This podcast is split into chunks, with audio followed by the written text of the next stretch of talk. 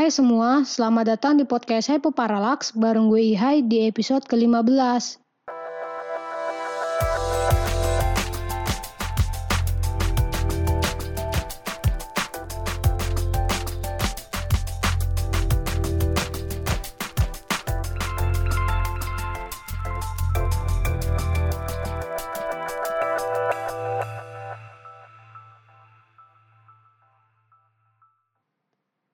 Kalian pernah nggak sih memikirkan hal kayak gini?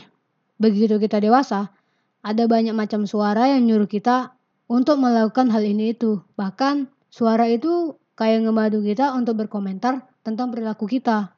Dan tanpa kita sadari, itulah suara-suara para orang tua, guru, teman, keluarga kita, termasuk juga ucapan orang-orang yang pernah bertemu dengan kita. Kadang, suara-suara ini tuh bisa bersifat otoritatif atau memberikan kekuasaan, kebebasan, sehingga dapat memberi semangat, mengarahkan, atau bisa saja menjadi kritis, memarahi, bahkan juga bisa sampai mengecam. Dan sering kali suara-suara inilah yang menentukan cara pandang kita terhadap diri sendiri atau suasana hati kita. Contohnya kayak gini, tanpa kita sadar, kata-kata yang berisi pujian bisa membuat kita bersemangat seketika dan bahkan dapat membuat perasaan kita menjadi nyaman lebih berarti, dan kita merasa dihargai, serta kita mampu melakukan apa pun. Sementara, kata-kata yang kasar dapat membuat kita merasa kesal, bahkan mengurus energi di kita. Nah, sebenarnya dari situ kita bisa memilih. Kita mau mendengarkan kata-kata ini atau enggak. Tapi, sering kali kita itu enggak mendengarkannya. Contoh kecilnya tuh kayak gini. Waktu orang tua ataupun guru kita menasihati kita. Sesaat kita seperti mengabaikan suara mereka dengan cara kita mematikan tombol suara yang ada di telinga kita, seperti uh, sebuah alat putar musik. Dan pada akhirnya kita tuh kayak tetap melakukan apa yang kita inginkan. Ya kita melakukan apa yang kita mau. Kita sadar ada suara-suara yang sulit dibungkam karena suara itu selalu ada bersama kita. Itulah suara-suara yang ada di kepala kita. Dan seperti suara-suara yang ada di dunia, ada banyak sekali macamnya. Hanya saja mereka nggak berhenti-berhenti untuk bersuara. Mereka nggak kenal lelah dan bahkan mereka selalu mengikuti kita. Dan suara-suara ini cukup banyak mengambil peran dalam hidup kita. Sebagian suara-suara itu suara-suara yang nggak kita sukai. Sebagian lagi suara yang memang kita nggak inginkan. Tapi ada kalanya mereka itu kayak bisa menenangkan. Namun mereka lebih sering menjelma menjadi pengkritik yang paling keji. Inilah suara-suara yang nggak pernah berhenti mengulas kehidupan kita apa pun yang kita lakukan, suara ini tuh kayak menilai baik buruknya tindakan kita dan mengomeli kekeliruan yang kita lakukan. Jahat ya? Contohnya kayak gini, kalau bisa sih bertindak konyol kayak gitu, teriak nih dari suara itu. Lu tuh gak berhak merasakan kebahagiaan. Ini kata suara lainnya. Kadang-kadang mereka tuh kayak ngulang kata-kata yang pernah diucapkan orang tua kita saat mereka sedang marah. Atau guru kita yang ngasih nilai kita buruk. Atau teman-teman yang menjauhi atau mengusir kita. Atau kekasih yang telah meninggalkan kita. Kadang tuh ya, kata-kata ini tuh yang ngebuat kita terbangun di malam hari dengan perasaan yang menyesal. Yang mengisi hari-hari kita itu dengan penuh amarah, rasa takut, bahkan kekecewaan.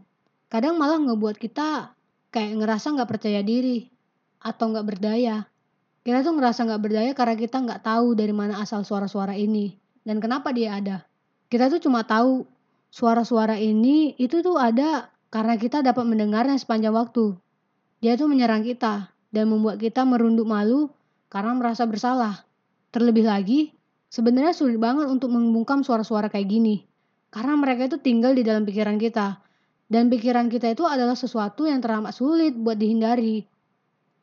Nah, ketika gue menghadapi serangan-serangan pemikiran-pemikiran yang kayak gini, dengan pikiran-pikiran yang kayak gini, ya daripada gue nyerah ataupun menyenang-nyenangkan suara-suara mereka yang bisa aja buat gue nggak bisa tidur dan pastinya jelas kayak ngebuang ngebuang waktu dan energi yang ada di diri gue uh, ya gue coba untuk melakukan kegiatan lain yang lebih positif atau membuat kata-kata penyemangat yang membuat gue lebih tangguh dan gue bisa ngadepi kata-kata yang nggak pengen gue denger ya yang nggak pengen gue inginkan.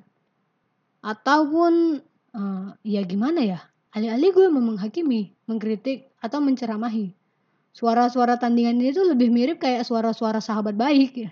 uh, dan guru-guru favorit gue. Dan itulah yang menurut gue suara-suara yang bakal memberikan semangat, yang bakal kayak ngasih gue penghargaan. Ya terutama pada saat uh, gue itu lagi bener-bener ngebutuhin.